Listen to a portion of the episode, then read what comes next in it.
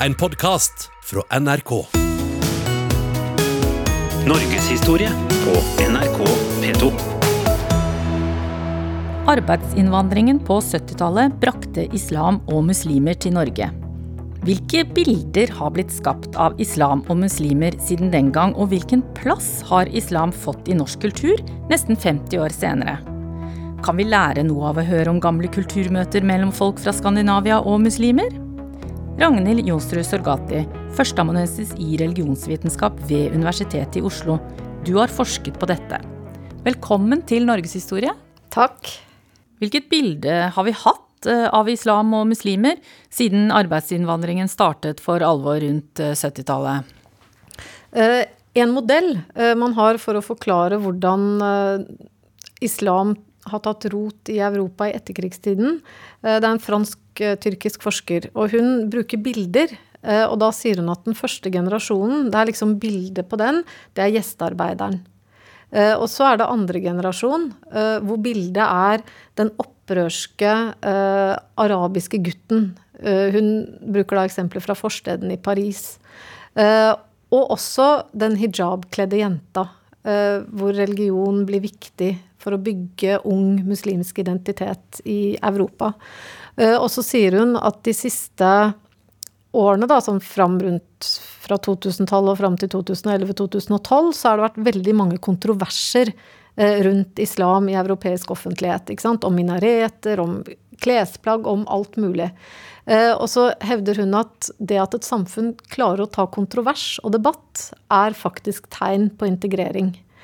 Eh, og det jeg tenker nå i Norge, det er at det har gått enda et skritt videre. Fordi at spørsmål om islam og muslimer, det er ikke lenger nå bare det er selvsagt også del av den politiske debatten, av verdidebatten, men det er også nå blitt del av kulturen, av populærkulturen, men også kulturen i de store norske eh, kulturinstitusjonene, som Nationaltheatret, Det Norske Teatret, Nasjonalbiblioteket eh, osv. Så, videre. så da snakker vi integrering? da snakker vi at uh, uttrykk for islam uh, er blitt del av majoritetskulturen, vil jo være da påstanden. Vi skal komme tilbake til hvordan ungdom med innvandrerbakgrunn de siste årene har blitt en integrert del av majoritetskulturen, men først må vi få høre litt mer om forskningen på islam. Hva viser forskningen?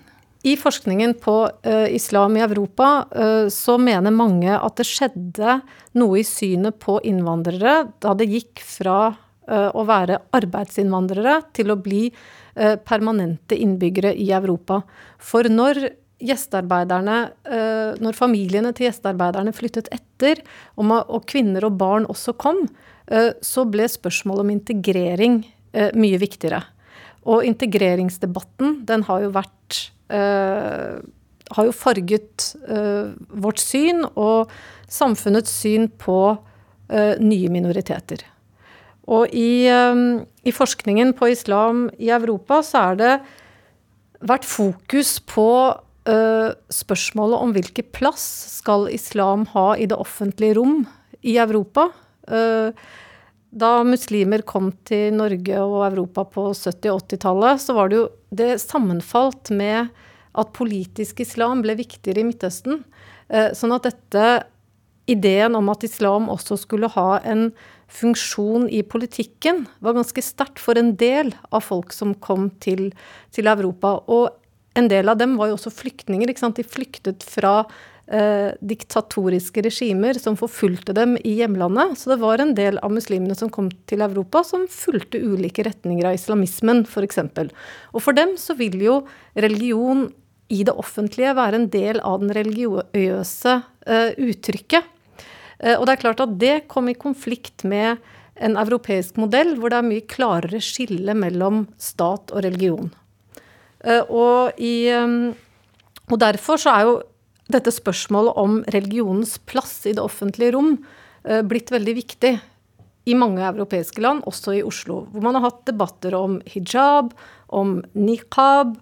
Eh, det har vært debatter om minareter, om man skal kunne ha bønnerop i gamlebyen, var jo for noen år siden et spørsmål. ikke sant? Sånn at det, religionens plass og islams plass i det offentlige rommet har vært en viktig debatt. Uh, noe annet er jo verdispørsmål. Uh, spørsmål om likestilling. Og spørsmål om ytringsfrihet. Det kjenner vi jo igjen. Den debatten ruller og går, kommer stadig opp igjen. og siden 11.9 så har jo også sikkerhet og europeisk sikkerhet i møte med radikal islamisme vært noe som har vært satt på dagsorden. Så er det klart at alle disse tingene er med på å farge bildet av islam i Europa.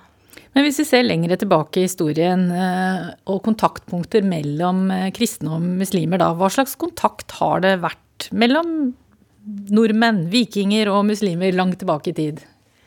Mange har vel lært på skolen om at vikingene dro både i austerled og vesterled. Uh, austerled, det var jo gjerne vikinger i uh, det som i dag heter Sverige. Uh, og det er gjort store funn i Sverige, bl.a. av mynter, uh, som man også har funnet i Norge. Men 80 000 mynter med arabiske inskripsjoner har man funnet i Skandinavia. Det er ganske mye, og det tyder jo på at man har hatt uh, handelsforbindelser. Uh, både indirekte ved at man møttes i Russland, men også direkte, antageligvis. Og at det var skinn og annet utstyr fra nord som ble byttet med silke og sølv fra sør. Ja, du snakket om mynter, men det er jo også funnet uh, smykker, bl.a. en ring med inskripsjonen Allah i en kvinnegrav i, i, Sverige. Og vikingene ble jo etter hvert kristet, men kunne de like gjerne ha blitt muslimske?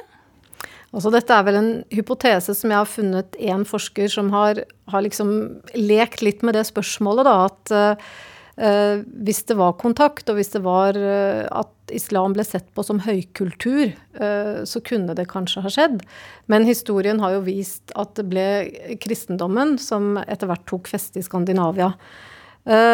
Men jeg har lyst til å bare trekke frem et par andre eksempler fra vikingtiden og tidlig middelalder. Og det er jo at vikingene dro jo også i vesterled, blant annet til Spania, og man har arabiske kilder som forteller, fordi Spania på denne tiden, det var jo et muslimsk rike, eh, som forteller disse arabiske kildene om vikingraid oppover Guadalquivir-elva til Sevilla i 844. Det er to ulike kilder som beskriver dette, så det har nok vært eh, tilfellet. Disse kildene beskriver vikingene som at de kom i store horder, at hele havet ble liksom oppfylt av røde og svarte skip. Så hvor mange det har vært, men at de har vært fryktinngytende og blitt sett på som uh, stolte og flinke krigere, da, det er ganske tydelig.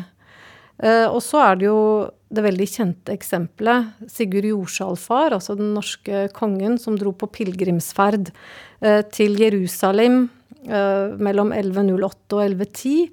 han dro jo også i vesterled og dro ned langs kysten av det som i dag er Portugal. Eh, og var helt sikkert oppe i det som i dag kalles Sintra, hvor det er en borg fra, fra en muslimsk borg fra uh, samme tid. Og at han også bekjempet maurerne, da, som muslimene i Spania ble kalt på denne mm. tiden. Så det var kamper mellom kristne og muslimer, ja. og gjennom korstog så ville eh, de kristne bekjempe islam. Ja. Det var hele poenget med korstogene. Og det er jo helt klart, det var hele poenget med korstogene. Men det er også interessant ikke sant, at kulturutveksling eh, det skjer i historien gjennom krig og handel. Eh, men at det hele tiden er også eh, kontaktpunkter som gjør at man blir bedre kjent. Et annet eksempel fra, fra, middelalderen det er jo at Håkon den 4. Håkonsson han hadde en utsending i Tunis, Lodin Lepp, og som eh, hadde et godt forhold til den tunisiske herskeren på den tiden, altså den muslimske herskeren i Tunis. Eh, og antageligvis så har han vært der for å fremme handel med jaktfalker. For det var noe man kunne få fra nord. Så parallelt med korstog og kriger så foregikk det også handel og kulturutveksling mellom muslimer og kristne? Ja. Mm. Men hva med Når reformasjonen kom til Europa med Martin Luther, hva slags syn hadde han og hans eh, tilhengere på islam? Altså det har jo vært i, eh, i middelalderen, først under latinsk kristendom, eh, så, så, har det hele tiden vært debatter og at kristne har hatt et syn på islam enten som vantro eh, eller som en heresi, en kjettersk religion, en avvik eh, fra den sanne kristne lære. Eh, Martin Luther i reformasjonen han sidestilte paven og tyrken som de verste fiendene for den reformatoriske eller protestantiske kristendom.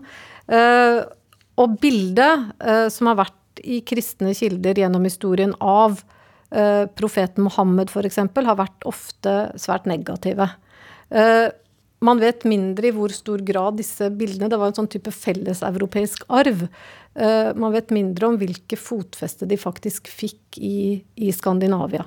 Men hva med opplysningstiden, da? Ble kristendom og islam mer likestilt sett med europeiske øyne i opplysningstidens ånd, eller var fortsatt islam satt under et kritisk eh, søkelys? Altså i, eh, i, opplysningstiden så har vi jo reiseskildringer som gir ganske positive bilder av det osmanske riket, f.eks. En uh, diplomatfrue, Mary Montagu fra England, hun beskriver kvinner i det osmanske riket som spesielt frie, fordi de kunne vandre rundt i gatene tildekket, slik at deres ektemenn ikke kunne vite hva de gjorde, f.eks.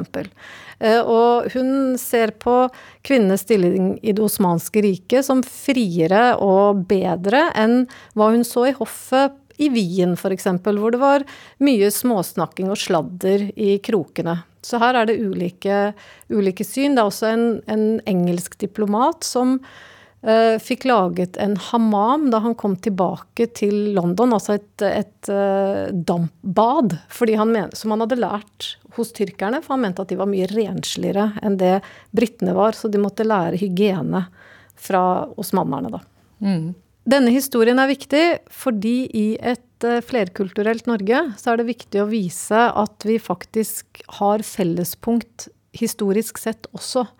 og det tenker jeg at man kan legge større vekt på uh, i undervisning uh, og i også det offentlige ordskiftet. Så her er det altså en internasjonal dimensjon som blir underkommunisert både på universiteter og kanskje også i den norske offentligheten. At man tenker at det er en europeisk uh, historie, og så er det en annen historie som handler om islamske land.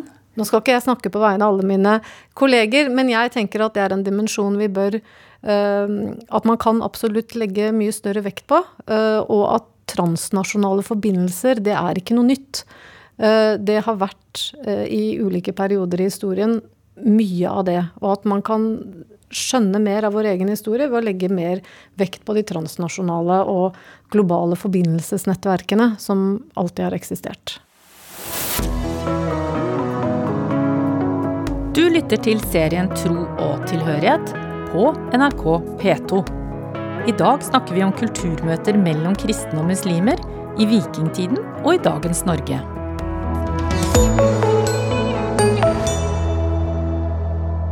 Ragnhild Jonsrud Sorgati, du har brukt uttrykket hverdagsislam i forskningen din. Hva legger du i det? Det er at man ikke nødvendigvis rekrutterer informanter som er organisert i en uh, muslimsk trossamfunn, men at man eh, finner folk andre steder som man snakker med om deres syn på religion. Og da kan man jo finne ut at folk, eh, ikke, at muslimer ikke er spesielt religiøse, eller ikke spesielt mer religiøse enn en, en andre. At man i perioder av livet kan være veldig opptatt av religion og kanskje gå med hijab og be, og så er det i andre perioder av livet man ikke er så opptatt av det. At det er litt sånn inn og ut av religion. Ja, altså de er som nordmenn flest, altså som bruker eh, Nordmenn flest bruker jo kirken til, eh, til dåp og konfirmasjon og bryllup og begravelser, og kanskje går de i kirken på julaften. Er det noe tilsvarende vi ser blant muslimer? Altså dette vet vi egentlig for lite om.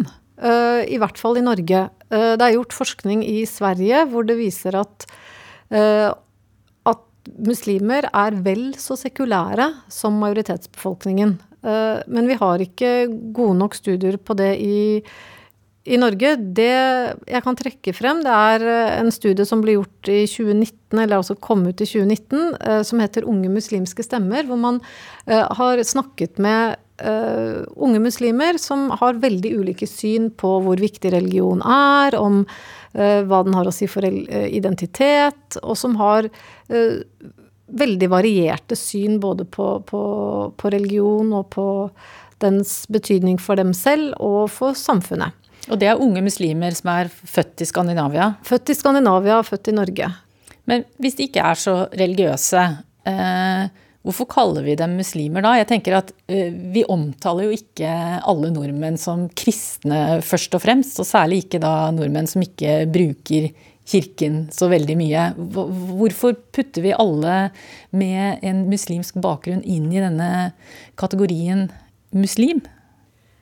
Dette er noe som forskere har vært opptatt av uh, i, i, hele Europa. Uh, og det er vel franske forskere i hvert fall som begynte å snakke om dette for noen år siden, at uh, termen muslim har på en måte blitt etnifisert. Sånn at der man tidligere snakket om algirere, marokkanere, tyrkere, pakistanere, norskpakistanere, så har man etter hvert blitt muslimen, ikke sant. Og jeg syns det er ganske interessant jeg gjorde et lite studie av noen av Carpe Diems tekster for en stund siden.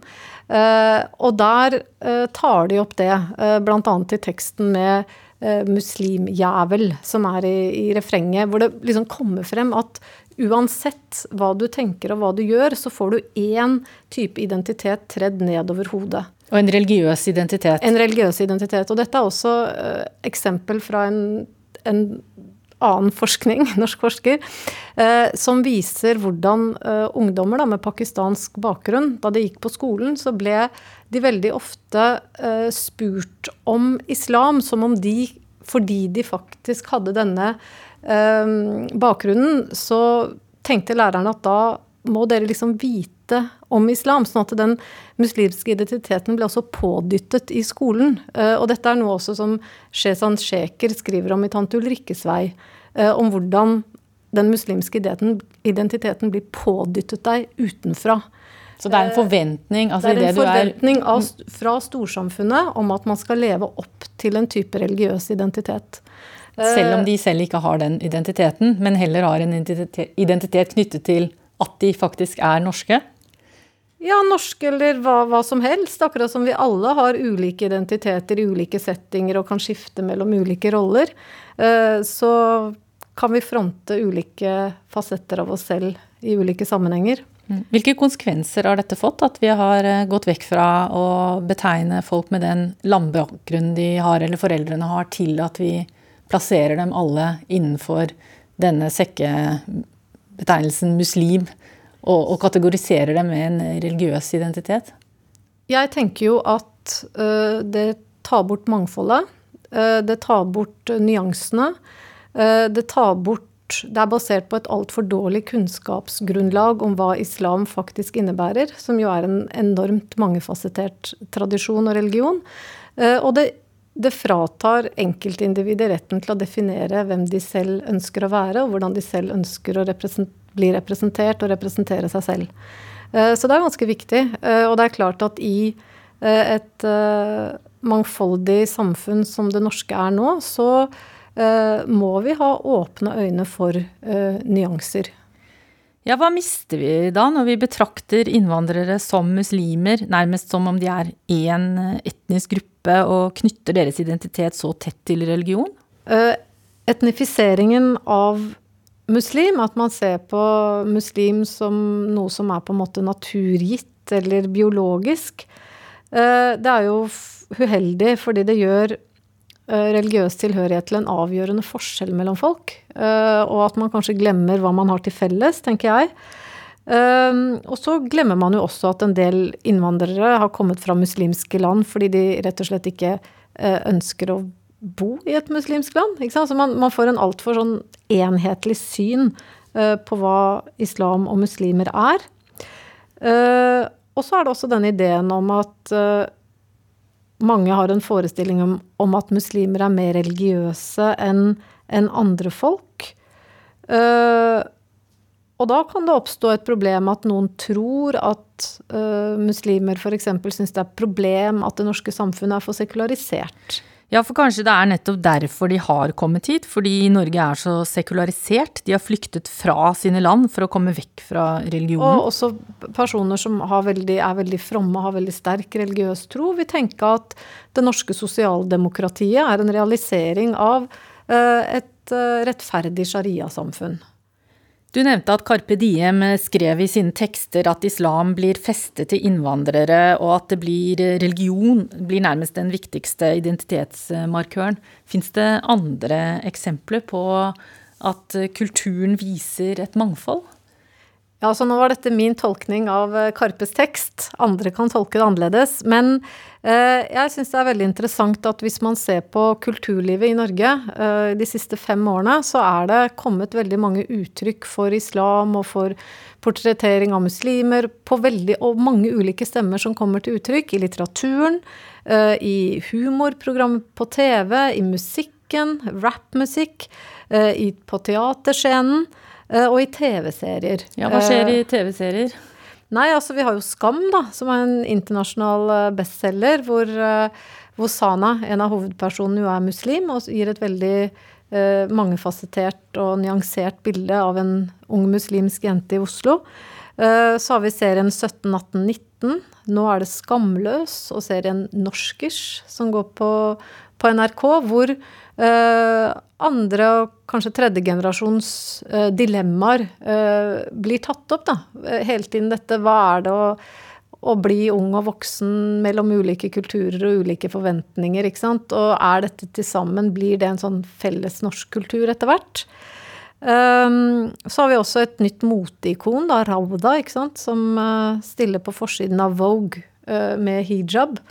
Uh, og det finnes også andre influensere, uh, som uh, unge muslimske damer som, som, har en viktig stemme ut til, til, til, ungdom, da. Og i denne kulturen, altså enten det er på teater eller i litteraturen eller i TV-serier, så er det vi, blir vi kjent med, med ungdom med innvandrerbakgrunn som både har en religion, men som også lever et liv uten uten religion. Og som bryter med stereotypier, ikke sant. Og det tenker jeg er ganske viktig, eh, viktig bidrag. Eh, for eh, mennesker er mangefasetterte, eh, uansett eh, hva slags ulike identiteter de har. Mm. Men går det den og, andre veien også? At, eh, at etnisk norske blir påvirket av innvandrerungdom? Ja, så Jeg er jo ikke så veldig glad i disse skillene, men det er jo klart at uh, den veldig seerbejaete serien uh, Førstegangstjenesten, der er det jo karakteren Ola Halvorsen uh, som snakker kebabnorsk og har masse religiøse referanser både til, både til kristendom og islam i, i denne figuren, og han er jo blitt Eh, omfavnet av Altså denne figuren med de gule rasta, dette gule rasta-håret, det er jo det denne karakteren Ola Halvorsen i serien Førstegangstjenesten illustrerer, at mange etnisk norske ungdommer plukker opp kulturelle elementer og væremåter fra sine venner med innvandrerbakgrunn. Ja, som er redd for hunder og og jeg har masse uttrykk, også religiøst ladede, i sin vanlige diskurs, men som synger i kirkekor, hvis jeg ikke husker feil. Uh, så så det er eh, synes, Det som jeg syns er mest interessant, det er hvordan islam er kommet til uttrykk i norsk populærkultur, men også, i, på teaterscenen og, og, i Nasjonalbibliotekets nye utstilling. Uh, så er det Karpes album 'Heisan Montebello', som er et av bidragene fra vår egen tid, da, når man skal vise norgeshistorien. og det viser kanskje at dette Eh, skillet vi opererer med, med minoritetskultur og majoritetskultur, og oss og dem og muslimer og oss andre, det er i ferd med å brytes ned. Fordi eh, vi får følge da kongens tale om det nye norske vi, da. Ja, da tenker du på kong Harald som omfavnet det flerkulturelle Norge i talen sin i Slottsparken i 2016. Så det du sier her, er at vi i fremtiden bør skrive norsk historie annerledes. Altså at vi ikke bare må integrere innvandrere i norgeshistorien, vi må også fortelle hvordan minoritetskulturen har blitt en del av majoritetskulturen? Nei, jeg er jo ikke så glad i at vi skiller mellom oss og dem, mellom majoritetskultur og minoritetskultur, og kanskje er disse eksemplene vi har dratt frem fra norsk kulturliv nå, eh, tegn på at dette skillet brytes ned. Eh, Og i den sammenheng så er det jo også interessant å se tilbake på historien, slik vi begynte med i programmet, hvor vi på en måte nøster opp kontaktpunkter for å fortelle at uh, unge nordmenn i dag, de har faktisk også en felles historie som de kan se tilbake på. De trenger ikke bare bygge en ny fremtid, men de har faktisk noe uh, sammen fra før. Ja, der ga du oss en avslutning som eh, gir håp. Ragnhild Jonsrud Sorgati, førsteamanuensis i religionsvitenskap ved Universitetet i Oslo. Tusen takk for at du kom til Norgeshistorie. Ansvarlig for denne serien er Ane Bjølgerud Hansen. Teknisk ansvarlig er Dag Bakker. Jeg heter Ellen Katrine Lund.